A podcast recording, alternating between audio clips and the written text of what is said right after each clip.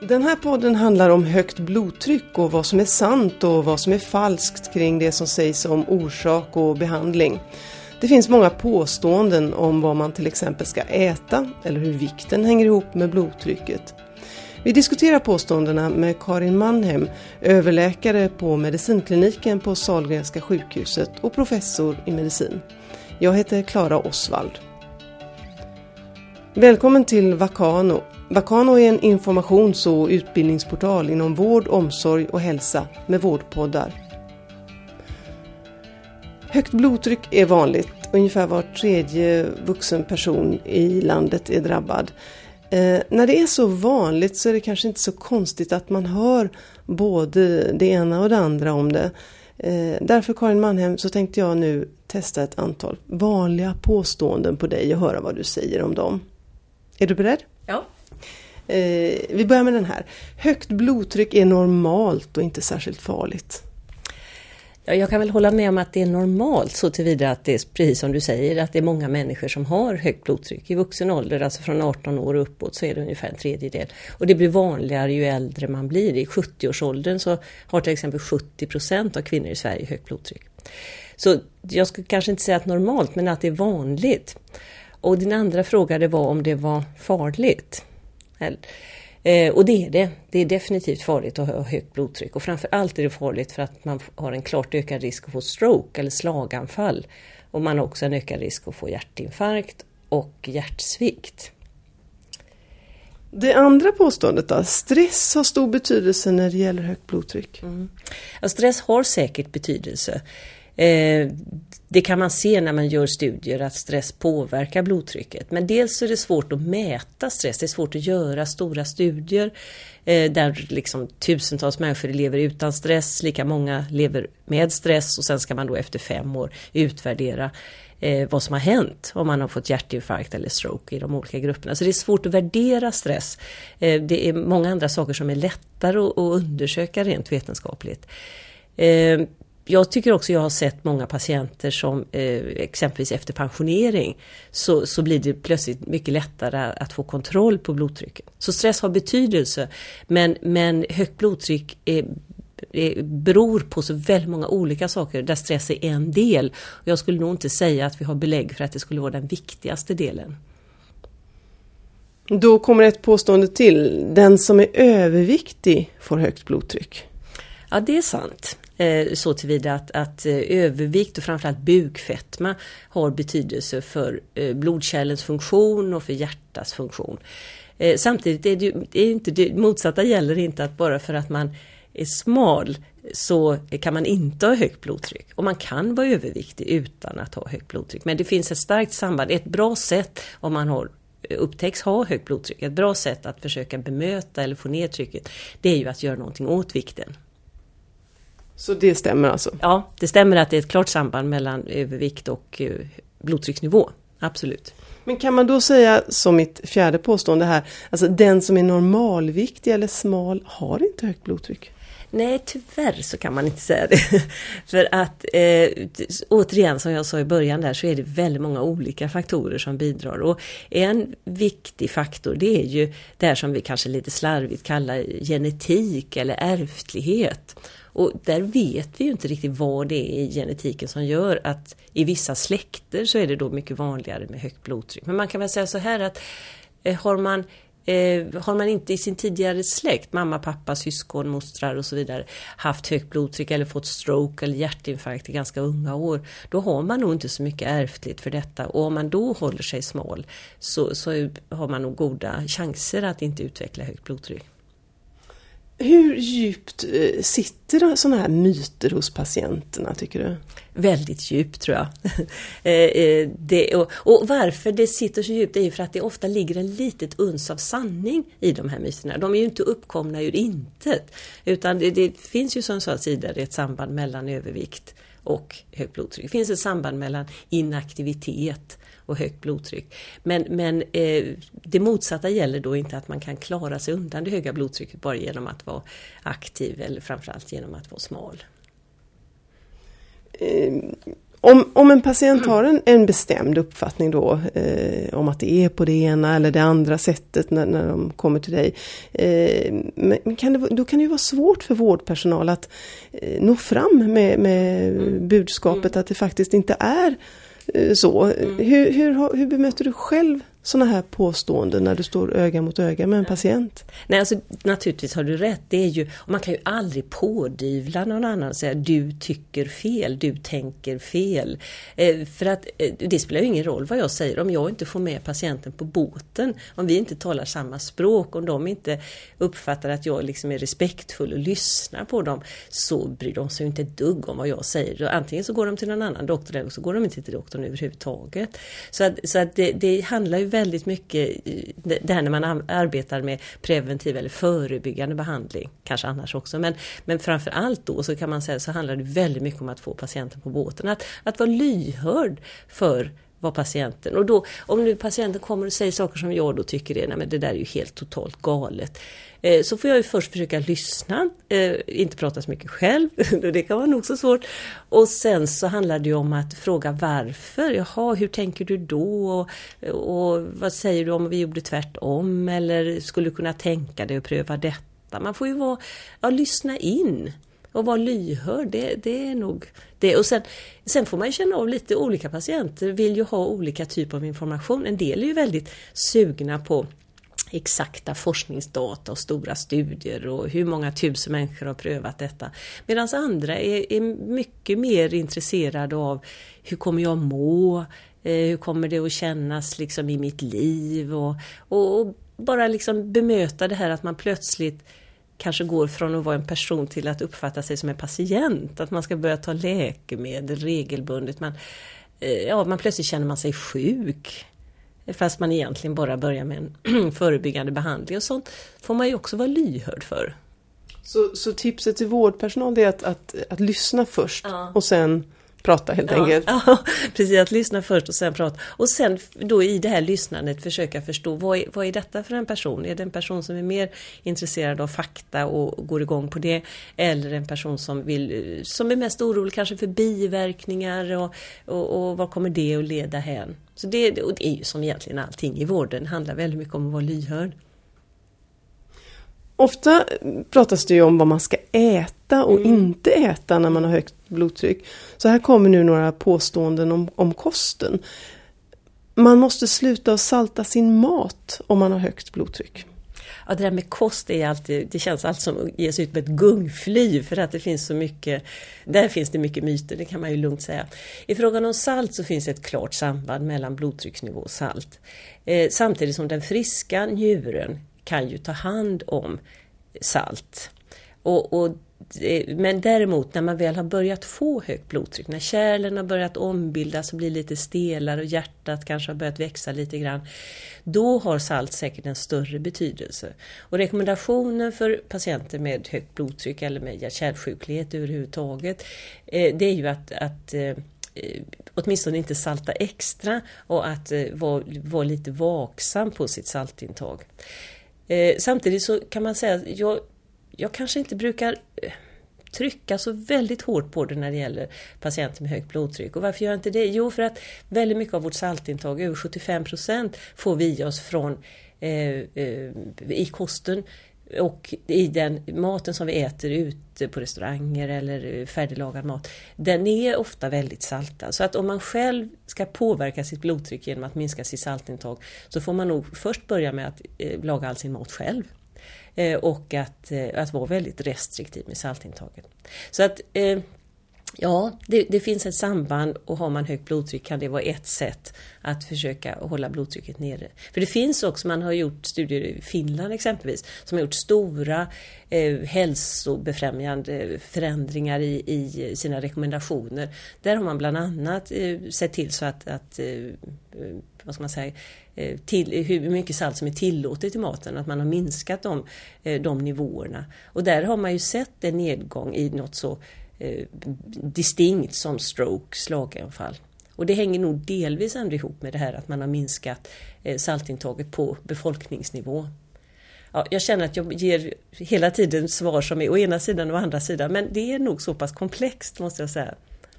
Mm, betyder det att man ska tänka också innan man har högt blodtryck på att, eh, hur man saltar maten? Ja, det kan man väl säga så här att, att salt är ju lite grann som socker, alltså det är en krydda.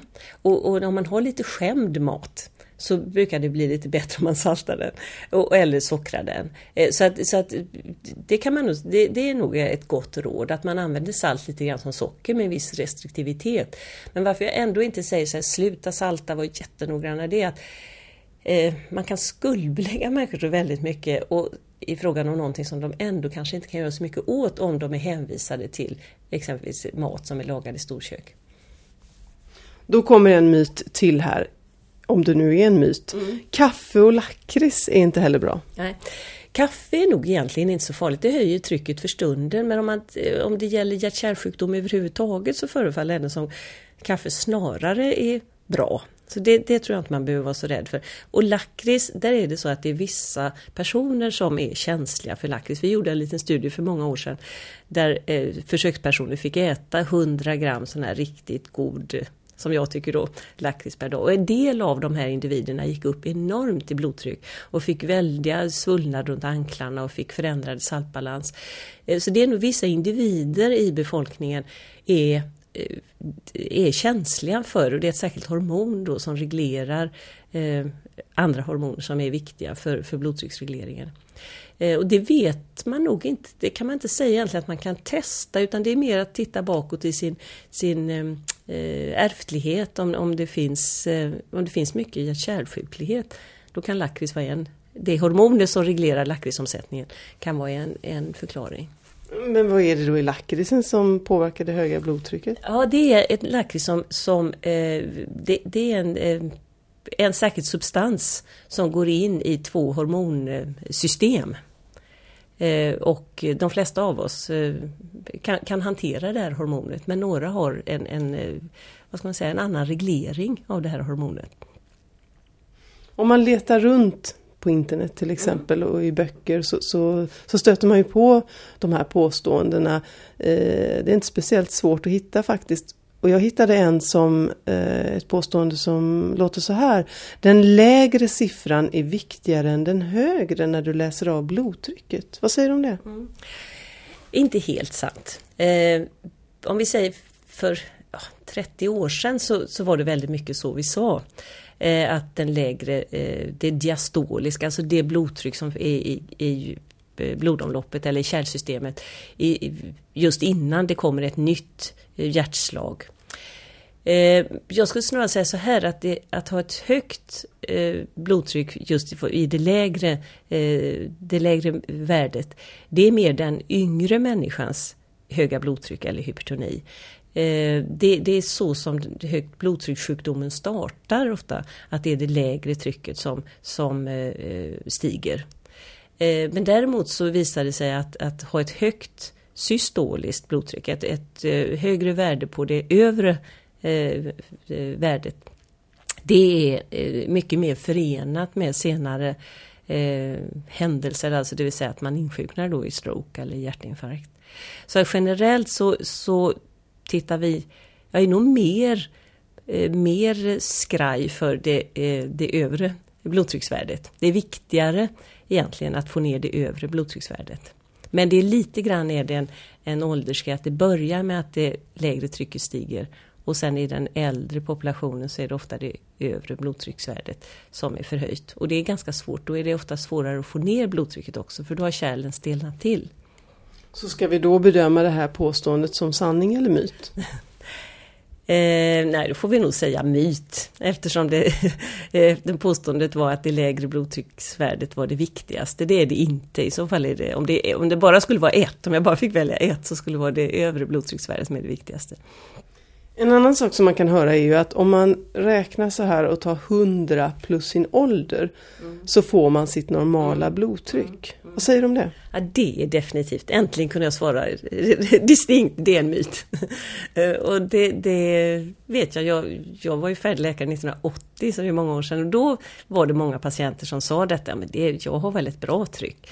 Eh, men så är det inte, det är eh, och bra och bra, nej men det är ett, ett blodtryck, om man har 100 plus åldern så, så har man absolut en ökad risk då för att insjukna i de här tillstånden som jag beskrivit tidigare. Ehm, och det, där finns det ju ändå en del studier även uppe i personer över 80 år där det visar sig att det lönar sig att sänka blodtrycket. För det är en annan myt tror jag, nu kommer jag med egna myter här, men att, att äh, människor över 80 år eller 85 år, att man att man inte ska behandla högt blodtryck, att man ska sluta. Det, det är nästan en, att man plågar gamla människor med mycket läkemedel. Och människor ska ju aldrig äta mediciner i onödan, det säger sig självt.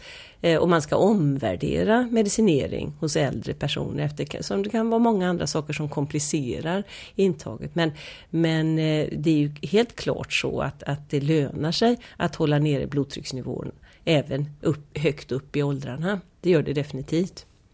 Framförallt gäller det då för stroke och det är ju en väldigt trist, eh, trist tillstånd att få en stroke. Om, om själva behandlingen av högt blodtryck finns det ju också en rad påståenden. Eh, som till exempel sjukvården behandlar för många med blodtryckssänkande medicin. Mm. Ja, nu är det nästan så jag själv får högt blodtryck. Men det, är, det, det, ja, det tror jag verkligen är en myt. Och det är ju, jag upplever ju, eller min bedömning är ju att det är precis tvärtom. Att vi egentligen behandlar för få. Då säger jag inte att det är fler som ska ha läkemedel. Men att det, det är för många som går obehandlade, för många som har högt blodtryck. Eh, Eh, i förhållande till vad det skulle kunna vara om vi gjorde någonting åt det. Och det, eh, där är det ju väldigt mycket sjukvårdens insatser, att vi inte är tillräckligt eh, jag tror många gånger att vi inte tar den här första diskussionen med patienter, första gången som tryck, man uppmäter ett högt tryck. Utan att man bagatelliserar och, och eh, säger det var kanske bara att du var stressad och så vidare. Att man själv som sjukvårdande person inte är så intresserad av att ta i detta. Är det ett problem inom sjukvården att man så att säga, då inte tar det riktigt på allvar? Ja, jag tror att det är ett problem. Och varför är det så? Ja, delvis är det för att blodtrycket är väldigt variabelt. Under dygnet, under dagen kan blodtrycket, övertrycket variera 20-30 millimeter och blodtrycket går ju alltid ner på natten. I vilket fall ska det alltid gå ner på natten. Så att det har ju betydelse när man mäter blodtrycket. Men mäter man blodtrycket på ett standardiserat sätt efter fem minuters vila i sittande eller liggande och vid några mätningar, två, tre mätningar och det hela tiden ligger över det här 140 över 90 millimeter kvicksilver som vi mäter, då har man ett för högt blodtryck. Och det är liksom inget att diskutera, så är det. Sen är det klart att om man i övrigt är, är frisk och kry och ute och tränar och, och inte röker och så vidare så har man ju en ganska liten risk om man bara har en liten blodtrycksstegring. Men däremot om man har samma blodtrycksstegring och är rund om magen och röker och dricker lite för mycket så har man ju en ordentlig risk. Och, och det, det, är det här att man måste, man måste tänka ganska brett kring blodtrycksbehandling. Eh, och eh, också tänka ganska brett kring hur man mäter blodtryck. Jag tror att de här sakerna kan bidra till att, att vi blir lite nihilistiska eller lite, ja, vi, vi, vi är lite, inte så distinkta kanske från sjukvården och säger det här är sjukligt eller det här är fel eller det här är farligt. Utan att vi låter det gå lite grann. Det kan vara två förklaringar i alla fall. Vad kan det bero på då att, att sjukvården har den inställningen? Jag tänker på den här hälsosamma trenden som vi har i vissa grupper i alla fall. Eh, kan det vara så att folk också inte vill ta till sig riktigt att, att de faktiskt har högt mm, blodtryck? Mm, mm. Jo, men jag tror mycket ligger nog ändå inom sjukvårdens ramar. Att, att vi inom eh, vården eh, är lite Eh, Eh, det, det, är en våg av att, att vi inom vården ska vara, vi ska akta oss för att medikalisera eh, personer. Vi ska akta oss för att göra personer till patienter. Och, och, det håller jag absolut med om, det finns ju inget värde i detta. Eh, men däremot så, så ska vi ju inte hålla inne med vår kunskap. Och det är definitivt så att, att högt blodtryck utgör en stor risk för de här allvarliga tillstånden och högt blodtryck är, är, lätt att behandla hos de allra flesta, speciellt om man börjar ganska ja, i medelåldern eller eh, däromkring. Så då är ju blodtrycksbehandling egentligen ganska enkel. Jag har ett påstående till. Om man får högt blodtryck så kan man sluta med medicinen när det blir bättre igen. Stämmer det? Nej, tyvärr, där gick vi på en myt igen. Det här är inte som en behandling för en lunginflammation. Utan eh, tvärtom är det så att när man eh, då har börjat med en behandling och, och nått eh, sitt blodtrycksmål så, så är det grattis, jättebra. Fortsätt med den här behandlingen, nu är vi inne på rätt spår. Man kan jämföra med att ha glasögon. Alltså glasögon är ju jättebra men det är inte så att när man sen tar av sig glasögon så har synen förbättrats. Så är det inte utan man behöver det här hjälpmedlet. Och om det hjälpmedlet är att man har lagt om sin livsstil och börjat träna och gå ner i vikt och så vidare.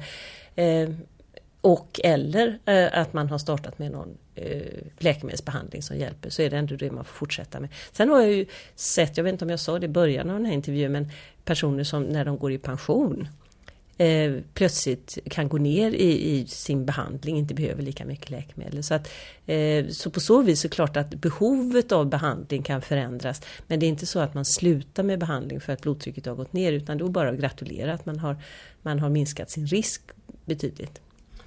Men du säger ändå att man kan minska medicinen möjligen då och om man också till exempel rör på sig mycket, lever väldigt hälsosamt mm. så skulle det kunna bli en väldigt liten mm. eh, medicinering. Absolut, absolut så kan det vara. Så man, man är inte helt i händerna på ödet utan man, man kan ju själv eh, eh påverka blodtrycket. Man kan säga, men gör man en total sådär total home makeover, verkligen gå ner i vikt, börja träna och om man har rök ska man naturligtvis alltid sluta med det och så vidare.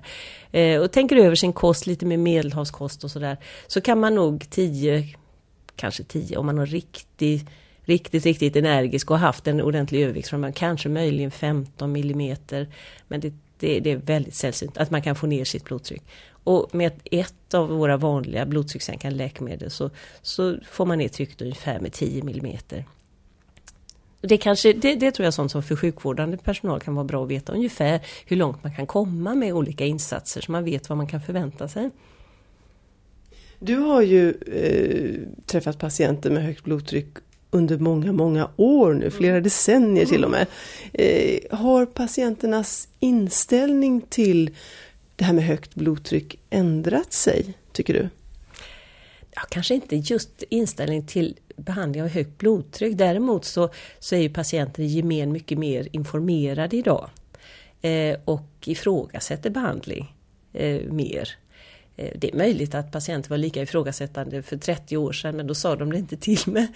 Eh, men, men eh, jag känner nog att, att det finns ett större behov av, av eh, information eh, idag. Att vi, vi från vården måste ställa upp och informera på ett mer eh, gediget sätt än vad, än vad vi behövde göra för 30 år sedan. Och det är ju hela samhället har förändrats. Mm. Myterna då, har de förändrats tycker du? Ja, nej den där myten som du sa just med, med stress, den myten finns ju definitivt kvar. Och det här med 100 plus ålder, den känner jag igen också. Och saltet, det känner jag igen. Eh, och stressen, eh, känner jag. Så då, alla de myterna finns ju kvar och det är väl bara att Ja, det är väl bara att ta ett djupt andetag och jobba vidare och försöka, försöka möta de här myterna.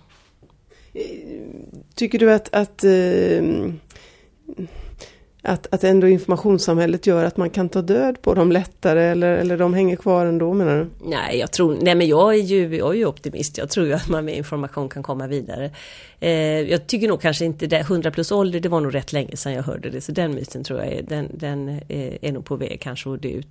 Eh, jag tycker däremot så det som bekymrar mig mer tror jag det är en av de här andra påståendena som du sa att, att vi behandlar för många.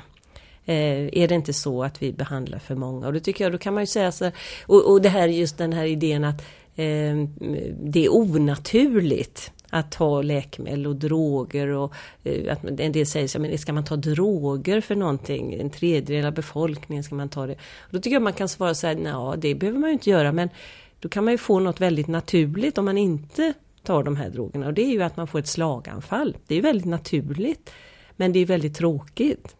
Så att jag skulle, det, det, men det tycker jag nog igen, om det nu är en myt eller det är ett, en miss, ett miss, ett eh, missförstånd eh, att, att vi behandlar för få. Det är nog något som vi inom vården kan jobba med. Och framtiden då? Framtiden för, för, för det höga blodtrycket. Vad, vad, vad, vad ser du där? Vart är vi på väg? Ja. Ja, för, för 15 år sedan så trodde man väl mycket kanske på det här med genetik. Att man genom eh, genetiska studier skulle kunna hitta hitta det lilla lokus eller fokus som, som förklarar hypotonyrsjukdomen. Det tror inte jag idag. Jag tror inte det, det, är, det är väldigt multifaktoriellt, det är väldigt många faktorer som bidrar. Eh, så när man säger med framtiden, ja det är nog eh, ett, ett, ett ökat informationsflöde, alltså mer kunskap överhuvudtaget. Det tror jag egentligen är, det är den vägen man går. För vi, vi är mer välinformerade, vi kräver mycket mer information och det, det är nog där som vi ska sätta in stöten även som eh, vårdapparat. Tack Karin Mannhem, överläkare på Sahlgrenska sjukhuset, för den här intervjun om sanning och myt kring högt blodtryck. Du har lyssnat till en podcast från informations och utbildningsportalen Vakano och jag som ledde det här samtalet heter Klara Osvald. Vi är tacksamma för dina synpunkter på programmet och kanske har du tips eller önskemål på andra spännande forskningsområden inom vård, hälsa och omsorg. Kontaktuppgifter hittar du på vakano.se och där hittar du också andra intressanta poddar och artiklar. Välkommen dit!